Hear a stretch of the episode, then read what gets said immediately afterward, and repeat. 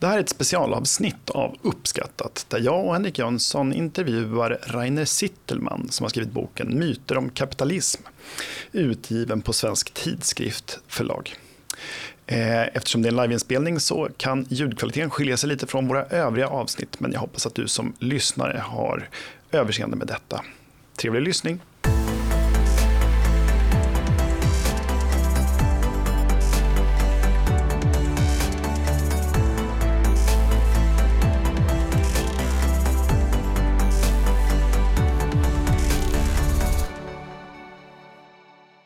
Nice to be here, uh, sitting here with uh, you, Dr. Rainer Zitelmann, and uh, Henrik Jönsson, who needs no further introduction, I think. Well, um, this will be fun. It's an honor to be seated at your table. Thank you. Myter om kapitalism. You've written a book about the myths of capitalism. And uh, you list 10 overbearing myths. I'm just going to run through them really quickly Okay. to, get the audience Yes. in. And they are, I, I com- uh, I've compressed this a bit. People are blaming capitalism for famine, inequality, pollution, climate change, financial crisis, plutocracy, monopoly, greed, gluttony, is the word that I use with war and fascism. And of course, all other bad things happening in the world. In, ingrowing toenails was my addition to the list.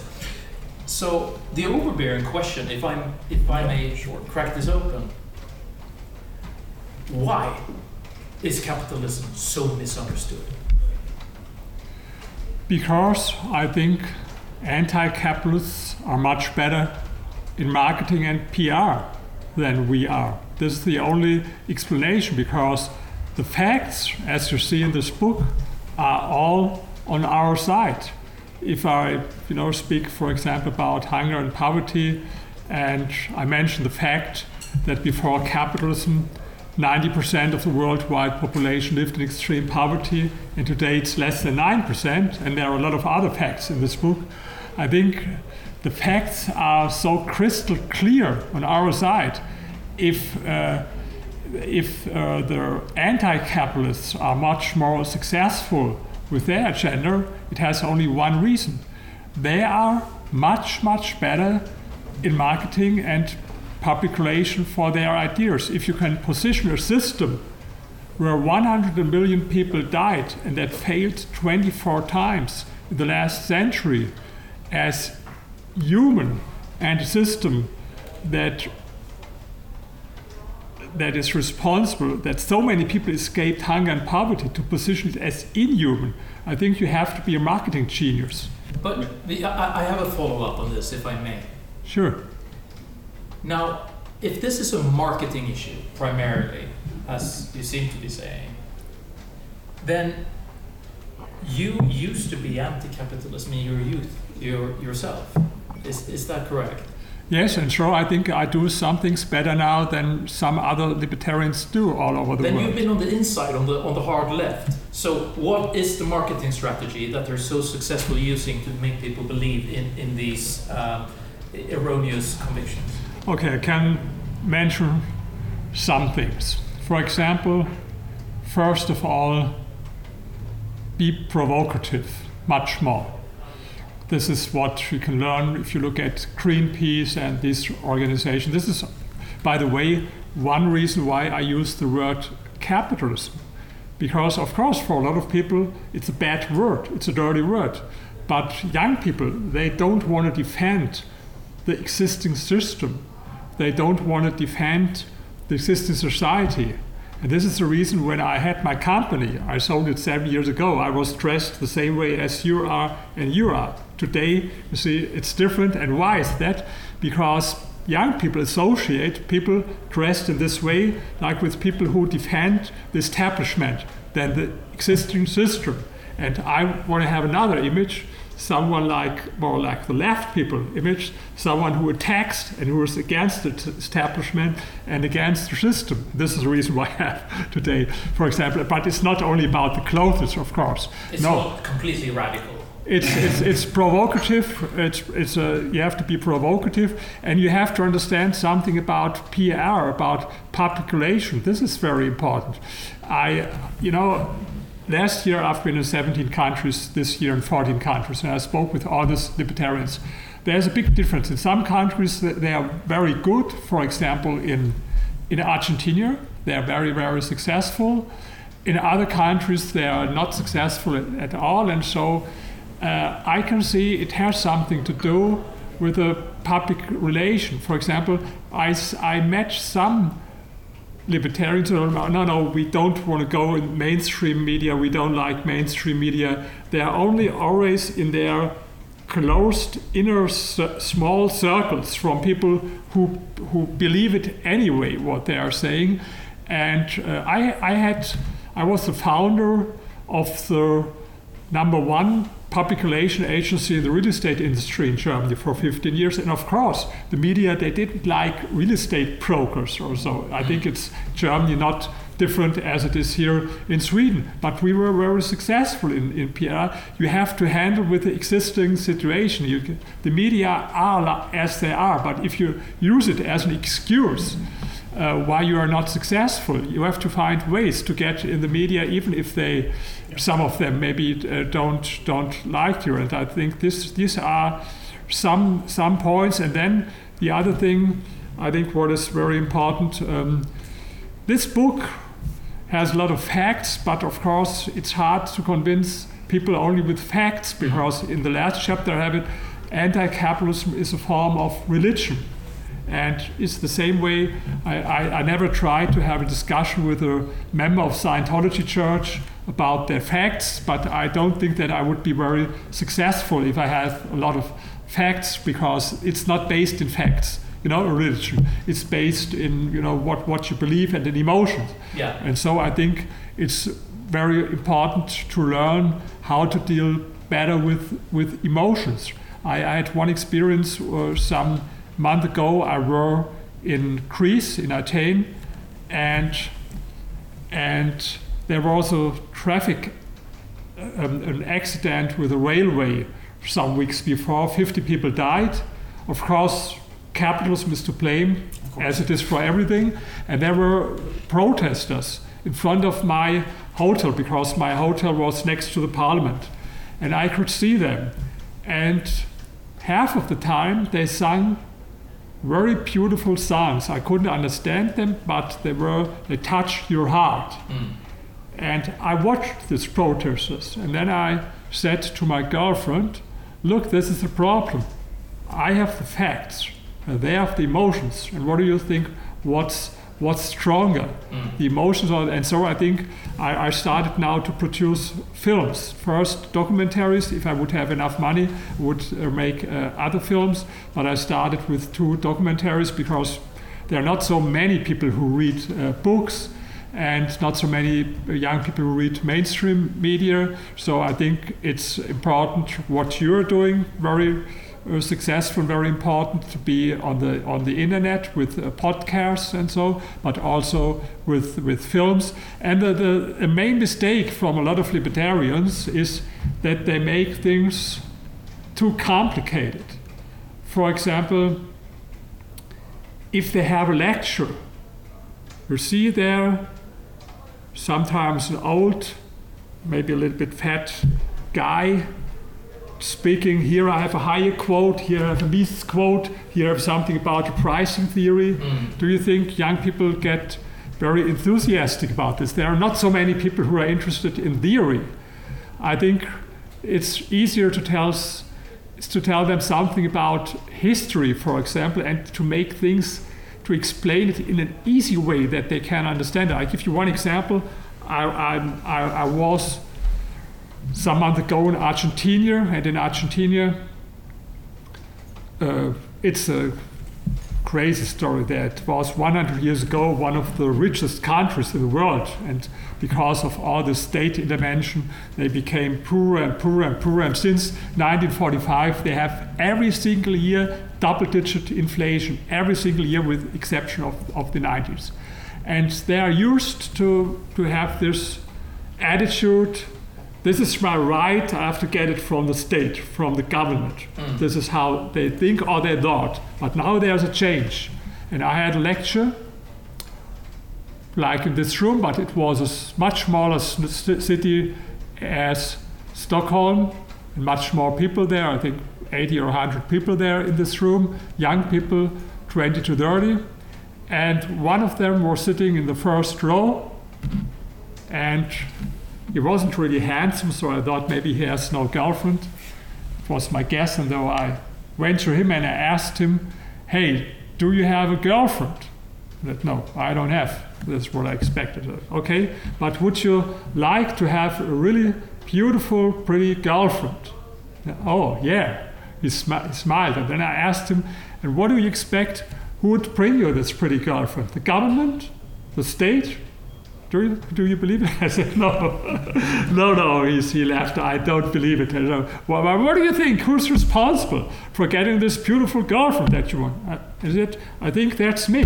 Uh, that's, that's all. It's not only with this girlfriend, it's with money, it's with everything. And so you got it in your, it's only one example Yeah. uh, how sometimes it's a difference whether I'm sitting there speaking about any economic theory and hear a Mises quote and hear this Hayek quote, are to try to explain it to people in a way that they can understand it, maybe even that it's funny sometimes for, for them. So um, you, you ask me what, what, what could we do different? And, and of course, the problem is um, the problem is not are not the anti-capitalists. The- the- They are not the problem. The problem is that we have not enough people to defend capitalism, especially entrepreneurs who have the money. And I know all these think tanks they have problems to get enough uh, money, Be- and and this is a so if you don't have enough money, you have to have more uh, more fantasy. And my recommendation is every libertarian organization should analyze what do the left and green people do? And then look what can we copy from greenpeace for example. Or uh, here in sweden you have this Greta thunberg or some people like this. She's success- successful all over the world. I, I don't think today in sweden but in germany she's very popular. So i think we can learn something from her Packaging. Yeah, I Yeah. think we want to get you in this conversation as well, Christian. Yeah, but, uh, Thank you for a great book. I think uh, your argument is very compelling, uh, and I do enjoy uh, every bit of it. And uh, Thank you. I would- like to say, could one of the problems with because you make a strong argument, and when you read it, you see, or at least uh, if you're a firm believer as I am, I am, I am, my. My convictions are confirmed when I read this. But how to get this into a broader audience, how to pick up the left? Because one of the problems that I see is what I think uh, Thomas Sowell said uh, that the left has an unconstricted version of what they want to achieve. And we who are capitalists, we, we don't promise to fix everything. We're just saying this is a system that actually works. But for you to be happy or make money, we won't be able to provide you with it. You have to do it yourself. But it, in this system, you can succeed. What the socialists say, they say you don't have to do anything. If we just snatch somebody else's money, we'll give it to you, and maybe we can give you a pretty good looking girlfriend as well. Isn't that isn't that the problem? They promise everything, and even though you see them failing time and time again, I mean Venezuela now is it's heartbreaking to see what is happening, and some of us warned about it years ago, and and uh, there, there's not much reporting on that. Isn't our our pitch? Isn't it? You have to work for yourself, but we will. This in this system, you can succeed. That's all we're offering, isn't it? Yes, of course, this is a problem. And Hayek, he recommended, or sometimes he spoke about it, that we have to have something like an utopia, like our utopia. But of course, uh, if we are honest, and we are honest people, we can't promise a perfect world without any problems. And I know there are some libertarians who have their utopia of a perfect society. I don't believe this, and maybe it could be easier to convince people if you replace the one utopia with another utopia, but only on the price to be dishonest to people because and to promise something that you can't keep in the end. Well, here's the crux of the matter. Because if you're talking about the better, the, the left is better at marketing themselves. Well, it's easy to be better at marketing if you're packaging something that is a utopian lie and say, Yeah. we'll give you everything, we'll Yeah. give you this. Of course, that's an easy sell compared to it's, it, it's much more intellectually demanding to understand something that is based on the truth Yeah. and the truth of we have to arrange a system so that you, you have the opportunity to succeed, but we will not tell you how society is going to look, exactly how, what your, you know, the bra size of your girlfriend is going to be, because all of that will be up to you. So then we have an uphill struggle because it's like you're fighting an opponent that is not truthful. Yeah. Yes, and this is what, uh, but we have one advantage. This is true. We have one advantage. We can show that all, all these experiments in the last hundred years with anti, anti-capitalist systems failed without any exception. And this is our advantage because, yes, it's true. Um, it's a disadvantage. This is what I admitted before that we don't have this utopia. But none But- of those but- experiments were actually real socialism. Yes, and, and, and, and this is the thing. This should be the core that we, you know, because it's ridiculous. I, I explain it sometimes. I like to explain this in, in more easy words when I talk about it. I give you another maybe funny example. Uh, imagine a housewife bakes a cake and she invites guests the weekend, but they get sick, even they have to vomit. And she understands, okay, something was not correct with the recipe. I have to change something. She makes some modifications and bakes another cake. And again, she invites guests next weekend. And what happens? They get sick again and they vomit. It wasn't real cake. And they under, yes, and she understood. No, some of the things, it I have to change it. It was not the right way. I have to do it in another way. I take the same recipe, but uh, with some other ingredients. And what happens? Guests get sick again and vomit. And and they do. She does it 24 times. I tell the story to people, and then okay, everyone tells me, no, this is crazy. There's no housewife in the world who would be so crazy to to make the same cake with a similar recipe 24 times and guests get sick anytime. Yes, it's true. There is no housewife in the world, but this is exactly what socialists do. And I, I, I you know, I try to explain it with some. Listen, this really boils down more to the neighbors because they'd be nuts to keep hmm. coming back to that lady. Yeah, but the thing Yes. is, the lady can't put them in jail and force feed them the cake because that is what happens actually.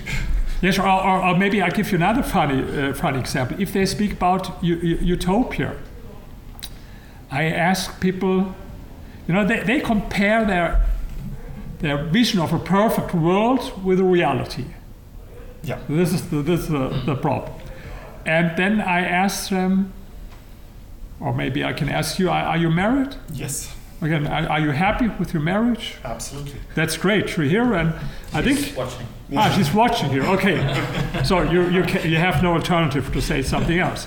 But I think hopefully it would be a surprise if you come home later or you meet her later and she says, "Okay, we have to talk about something, and it's about divorce." And why? She started to read this romantic love novels about perfect love.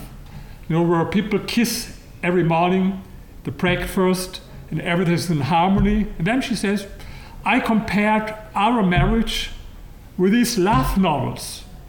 And it is life is like that. Oh, it is, and, and, and it's not exactly, maybe uh, it's not exactly li- like it is. And I think you would say, okay, isn't it more fair to compare it with our friends? Yeah. And I think then it's really a, great marriage and not with a book. And so, you know, I have always sometimes this this uh, this examples. I I think this is something, uh, you know, if you want to understand me. I'm a scientist on the one hand. I wrote uh, 27 books. I publish in scientific journals. I have two PhDs. But on the other hand, I was the founder and owner of the most successful public relation agency in Germany. So I'm what is maybe not not happens not so often. I'm a combination on the one hand of a scientist, on the other hand, marketing. And you see, you asked me before when you met me whether I do it alone or whether I have the organizational background. No, there's no, not an organization. I do it alone. And when I tell you what I do alone, I publish this book in 30 countries. I mentioned this. I go to all of these countries. I speak with them. I speak with think tanks.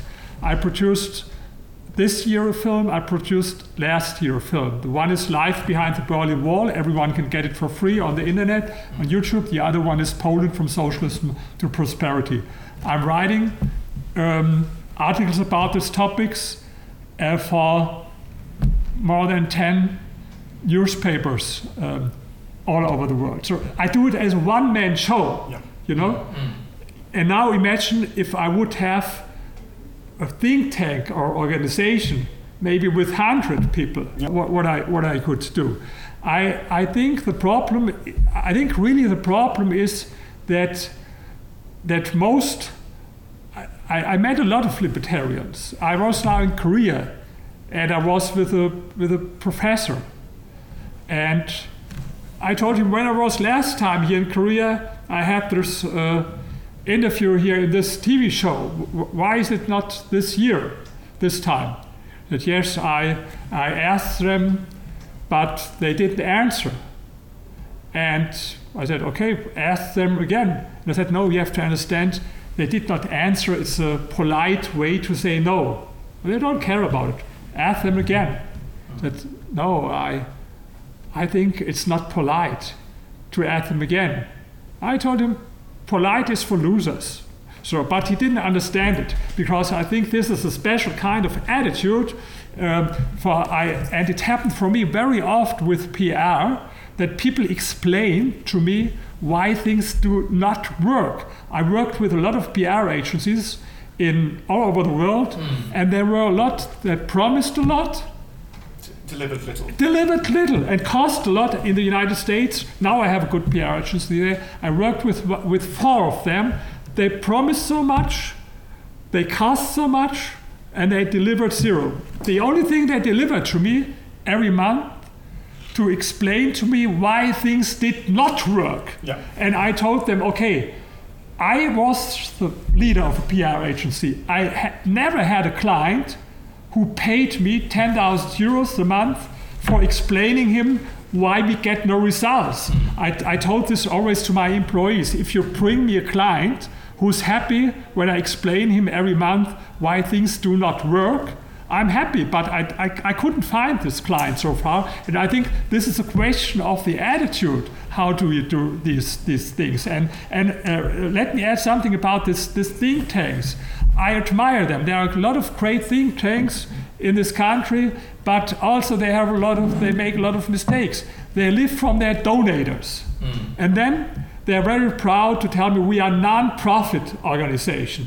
Non-profit, yes. You talk every day how important profit is, but you're a non-profit, and this is the way how you work like non-profit. For example, they publish a book, and then they are not interested whether they sell it or not because the, the donors paid them the money to publish the book. They are not interested whether they sell it or not. It makes not a difference for them. And so, only you asked me uh, about uh, this was some points about the excuse me when I'm a little bit critical about the, the, the weakness. I'm because I I, I try to analyze and I, I look what works and what does not work in a lot of countries. But I think Henry and you, Henrik and you are alike because you're an entrepreneur as well. Yes. And you're a one-man army as well. Great. Yeah.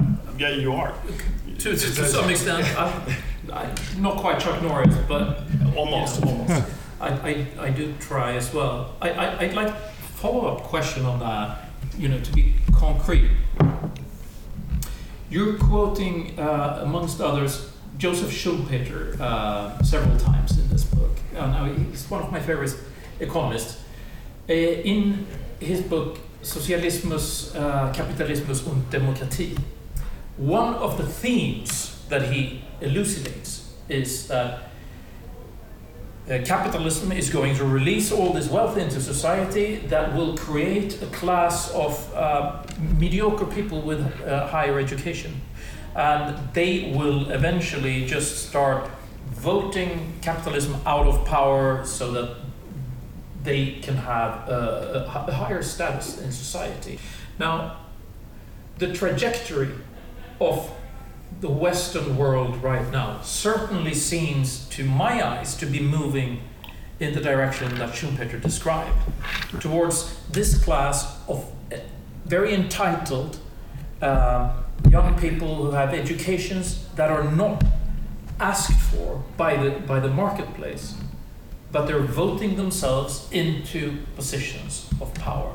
Do you, do you recognize, do you understand where I'm going with this? Absolutely. We have this in Germany. You see, there are a lot of people who studied and were not successful or broke up or uh, dropouts from university, and now they're very successful in, in politics. They get elected and they earn much more money than they could ever earn because no one needs them. And now they, they have they, maybe this position for maybe even in a company for gender questions or whatever, and then, then they can make some money.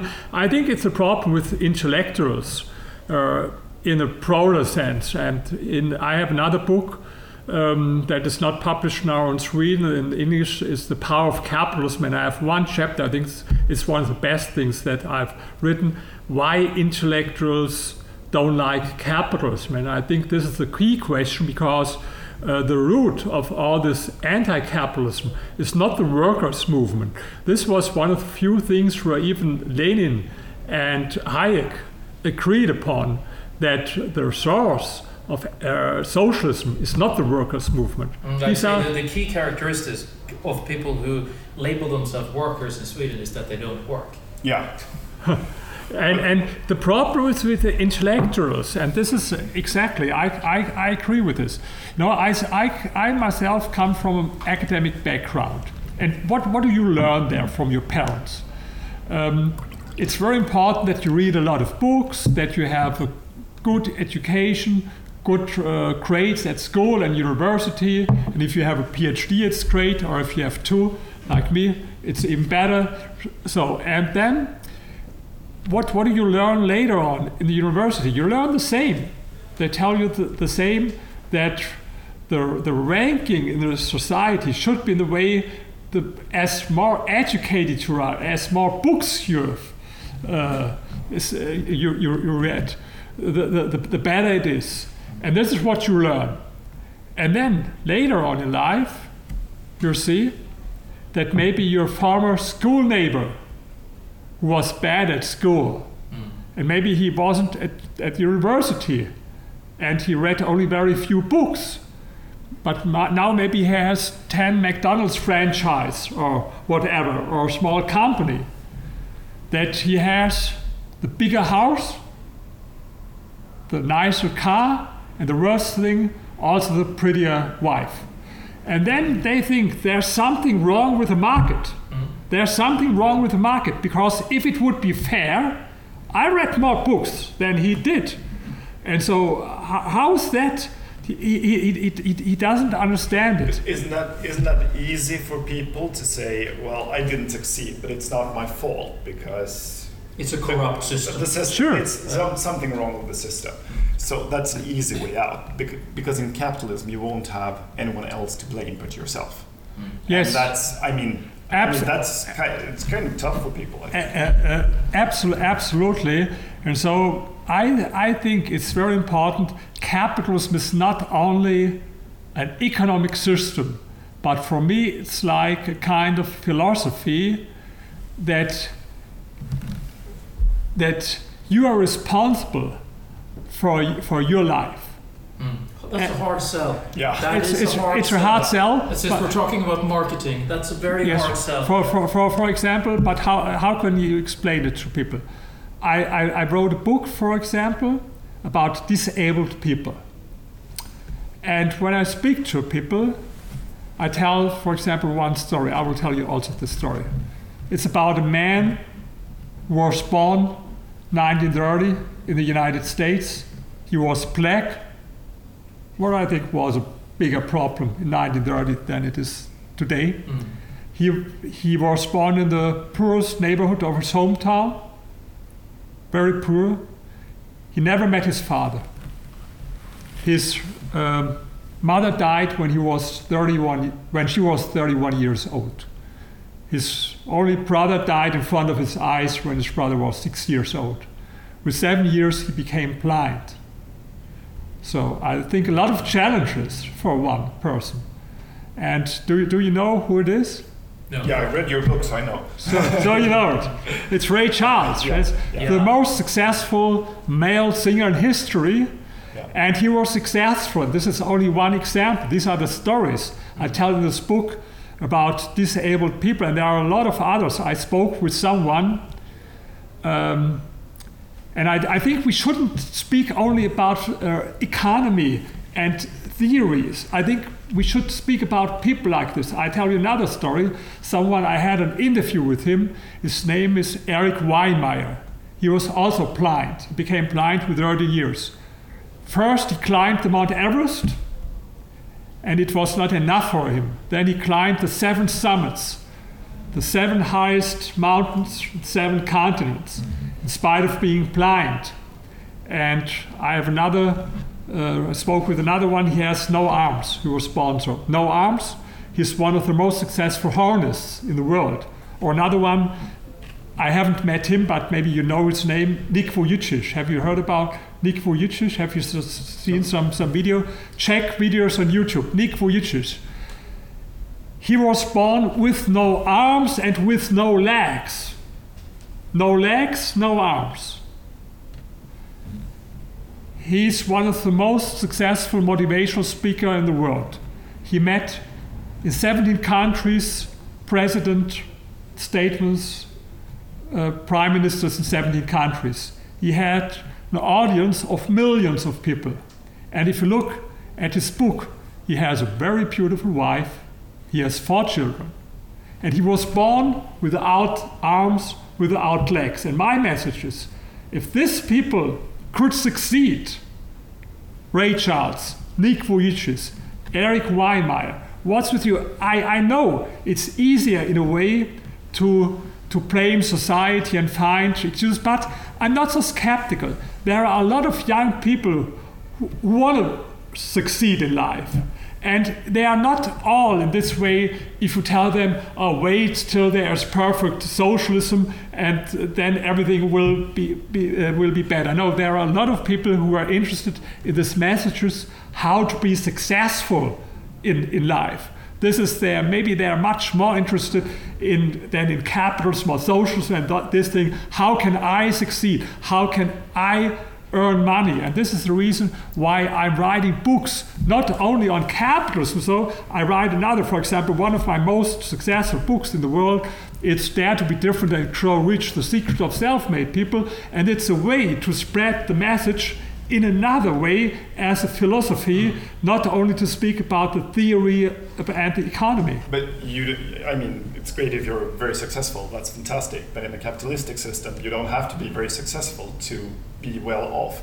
Because if the system works, if you have a job and you do it well, uh, you don't have to be super successful. Sure. You could, you could live a, lead a good life.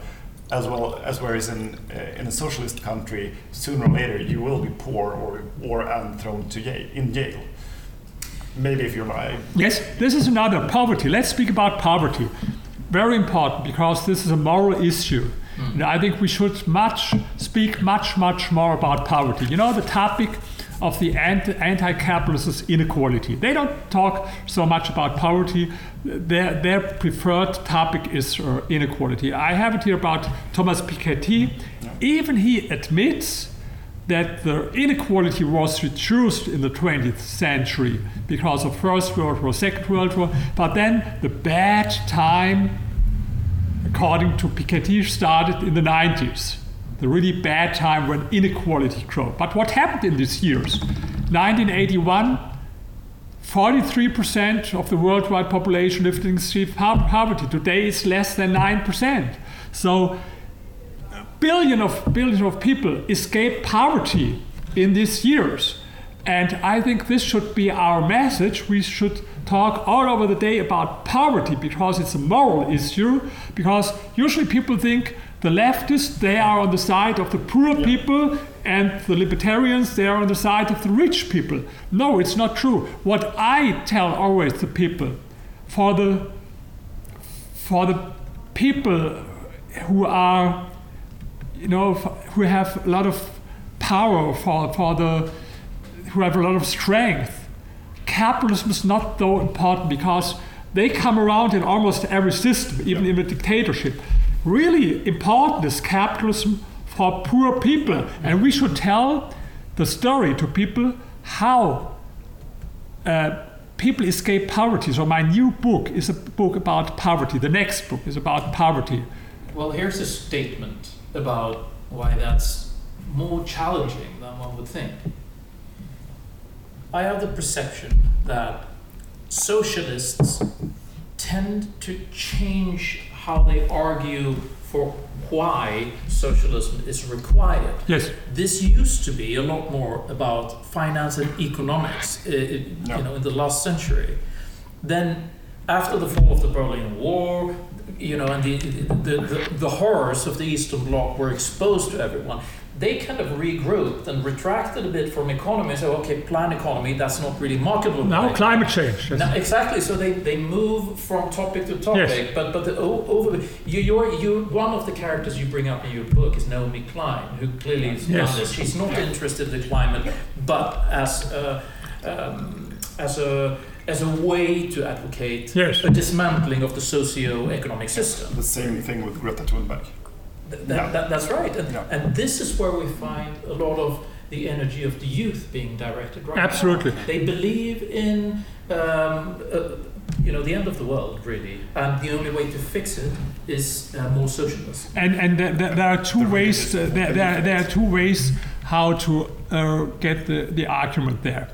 A lot of right-wing people, for example, in the United States, "Oh, there, there isn't really climate change, or it's not so bad." And this, but I think this is not a really successful uh, stra- stra- uh, strategy. So I have another strategy. I tell them, okay, maybe it's a little bit, I think it's a little bit exaggerated what, what they tell us, but okay, it's a problem, it's a real problem. Now think about how we can solve the problem and let's discuss about how we can solve. For example, Greta Thunberg, she wrote a book. Uh, I think one one year ago, or seven or eight months ago, with I think 17 other other people. I read the book. Yeah, it's an anthology. Yes, I read the book.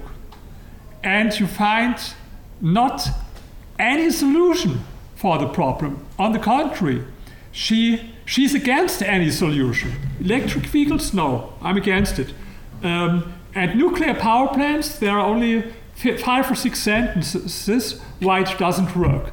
Everything doesn't work. The only thing that works is to abolish capitalism. This- Regression. this- Regression of civilization o- only to abolish capitalism. This is the only thing. Even she admits in in one sentence that these problems, environmental problems, are not only in capitalist countries but also in others. It's one sentence from you know from 500 or so so pages. But she doesn't talk about it, and we should talk about it. For example, why should we make? I, I saw no film I think we need a film about environmental problems in the Soviet Union or about environmental problems in, in East Germany because th- these young people they don't know anything about it. Of course, they will say this is not the system that we want. We want another system. But it's first of all we should we should show them pictures and we should show them what what happened there. I have also you You, know. you, you have so many examples Yeah, you- about yeah. the, the, the reactors Yeah. of the Soviet Union, Yeah. among others. One example, or, or another, one, what I tell people, if you speak about CO2 emissions, it's very easy, I have this in my film, to compare East and West Germany because both the same country, the same language, the same history, the same people, only different economic system. In, in, the, in East Germany, the CO2 emissions were three times higher adjusted to GDP than in West Germany. And, and other airborne pollutions like sulfur dioxide were even 10 times higher. But people don't know it. They, they have never heard about this. And, uh, and I think it's it's not a good strategy to tell people, oh, the world will not come to an end, it's a general, and we will find. No, you should tell them you will make things worth with a planned economy. You will make things worth with an anti-capitalist. This will destroy our planet, and not only this. And in the same way, people will get to starvation and and and hunger and all this. So you you will make things uh, worse. Yeah, you make the case in your book, but I think uh, when it comes to Chernobyl, the TV series was great. Yes. And it's so uh, it's so scary because in a socialist system as the Soviet Union, you weren't responsible for your own happiness and for your own prosperity, but you could be responsible for things you didn't even do. The only thing important in a socialist system is not taking responsibility, but passing the buck on so somebody else Yeah. takes the Yeah. blame. And I mean, that's horrifying. And, and, and I, I agree absolutely. This is a great film on Netflix about Chernobyl. But one thing is missing in the film. They don't link it that socialism and planned economy is the only reason what, what happened. You know, this I is quite clear. Or maybe that's just reading between the lines. Okay, but maybe I, I would have, I, I think in my book I have it more Yeah. crystal clear with Yeah. some quotes, even Yeah. from people who were in charge and who saw it and who realized it. You should have the same film as an example why socialism uh, destroys the environment. And, and, and I think we need, we need much more of this, especially about the environment, because you're correct. Today they don't talk so much about poverty they speak first about inequality and they talk about uh, environmental problems and climate change.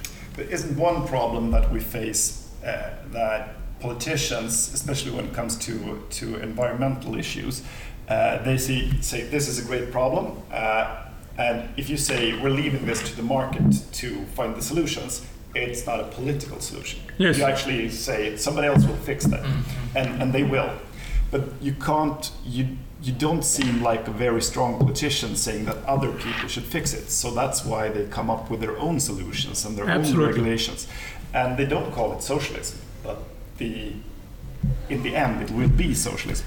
And looking at the uh, development in the EU nowadays, I find that it's they, don't market it as socialism, but Sure. it, but it is. Sure, it's, it's only another word. Uh, They, they, they use other words. They call it Green New Deal or something like something like this. Uh, I call it a planned economy, and I tell people because it's very easy. What I, I explain always people the difference between a planned economy and a free market economy is very easy to understand.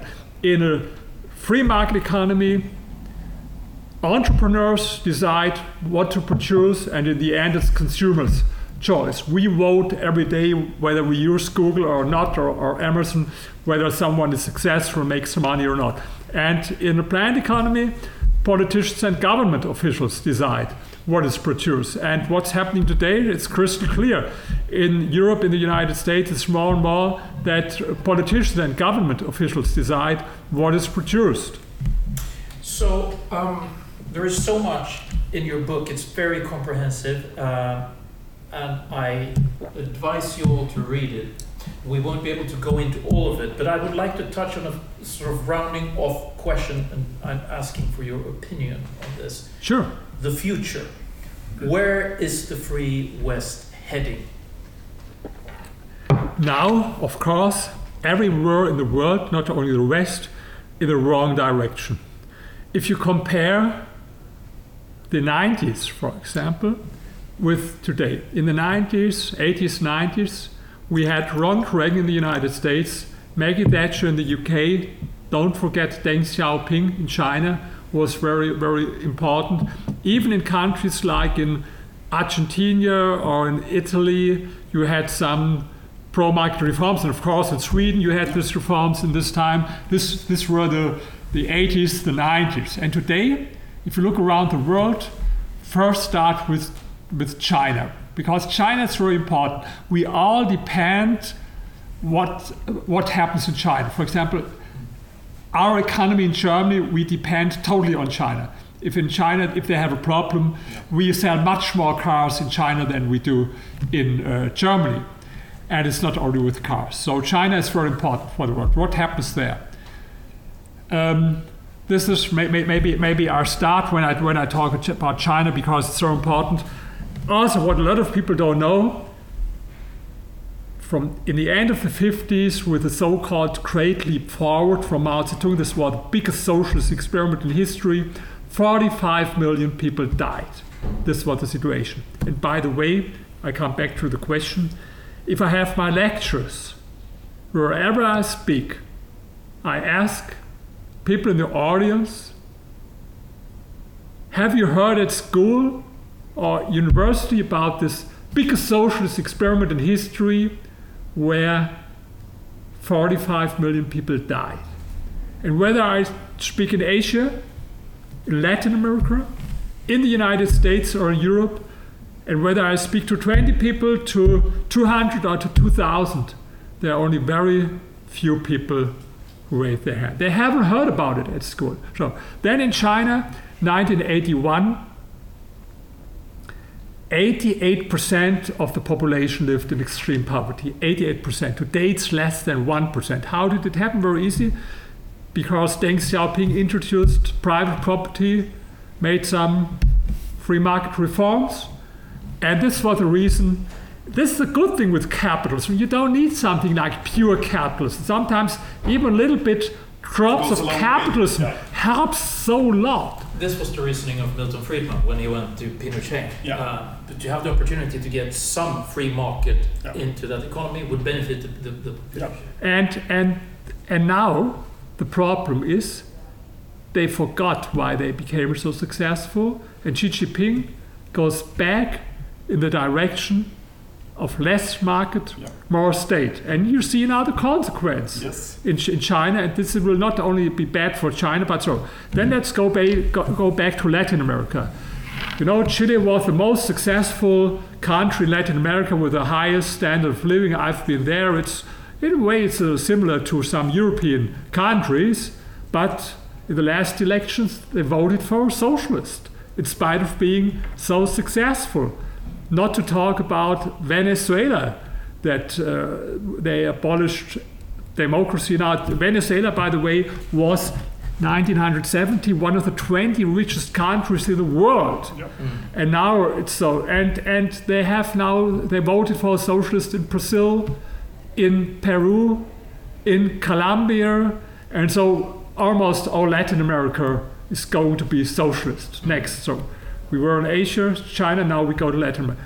And in the United States, if you look what, what happens there with this Joe Biden, uh, with billions, billions, trillions, trillions of, you know, more debt, debt, debt, more regulate, Green New Deal, and all these things.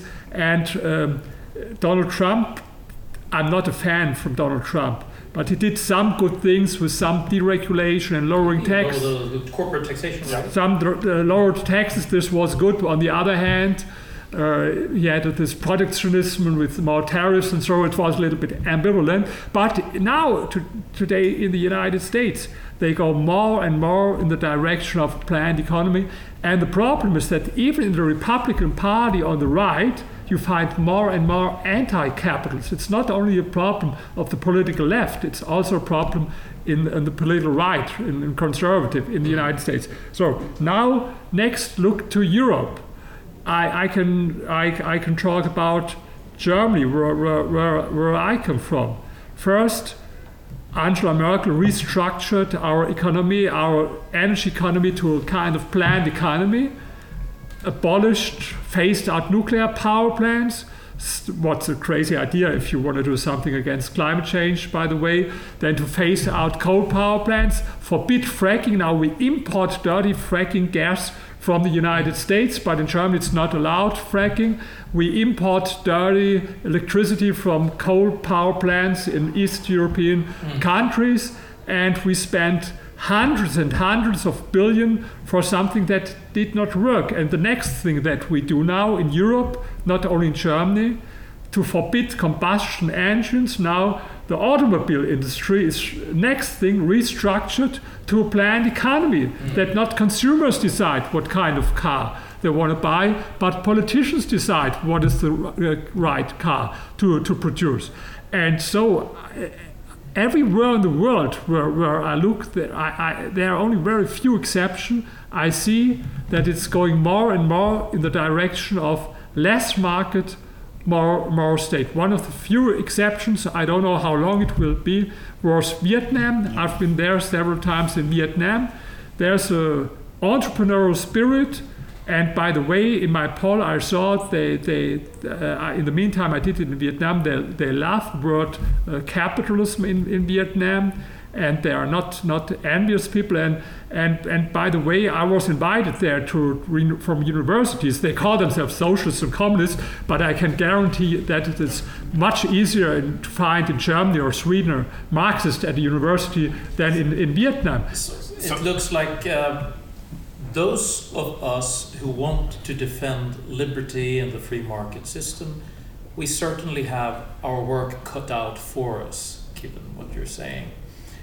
Now, um, sounds like we're living in in a Ayn Rand novel. it's, it's, it is rather dystopian. It is rather dystopian. Um, would you like to conclude with some something hopeful for the for the viewers as, as to, to contrast this rather gloomy?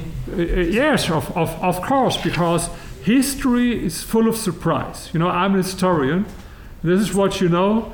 If you think about 50 years ago, who predicted, for example, what happened with the internet mm. today?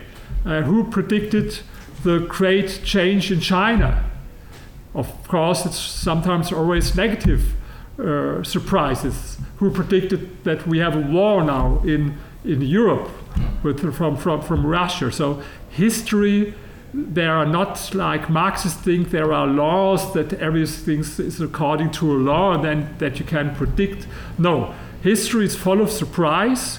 And, um, and I, I saw some surprises then on my travel in the world. For example, one of the surprise, I've been in Argentina. I spoke about uh, I, uh, I, before about Argentina. The biggest libertarian movement all over the world are in Argentina. Even they they now they will vote for the next president, and uh, they have an anarcho-capitalist uh, professor for Austrian economics will run for president, but he looks more like a rock star. Is uh, Javier Milei. I, I, I, I couldn't met him, but I met uh, the vice president of his uh, uh party and uh, a lot of other people. And for example, this is this was a surprise for me to see such a strong uh, the, the young people there in Argentina. They don't believe in socialism. Or they are not right wing. They are not left wing. They believe in in, in, in capitalism. And I spoke about Vietnam. They invited me to a workshop at the university. The topic was how can we improve the image of rich people? I was never invited to such a workshop here in Europe. So uh, history is open. You know, I, I, if I analyze things today, uh, I can't make things better than they are. And there's not a guarantee. You know, some people think things have to become worse and if they become very bad, then there will be a solution. No. no. You see it, you saw it in the 30s in Germany when we had big problems and things became much worse. And you saw it in Venezuela in another way. But history is open, full of surprise. Yeah. We have to do something this, about it. Th so if you're if you're a young person, yeah. this is Myter om Kapitalism. You should check it out. History is not a closed chapter. There is opportunity. I think you can even enjoy it if you're middle aged. Dr. Zitelmann, it has been delightful to be able to have this conversation with you. Thank you very much. I thank you very much. Thank you. Very interesting. Uppskattat det är en podcast från Skattebetalarnas förening. Vi arbetar för låga och rättvisa skatter, rättssäkerhet för skattskyldiga och minskat slöseri med skattepengar. Vi bildar opinion och folkbildar i skattefrågan och vi lever som vi lär och tar bara emot frivilliga bidrag. Uppskattar du podden kan du gärna ge oss ett gott betyg i din app och vill du medverka till att Sverige blir ett land med minskat slöseri och rimligare skatter så stödjer du oss enklast genom att bli medlem. Läs mer och bli medlem på www.skattebetalarna.se bli medlem. Till nästa vecka, ha det så bra!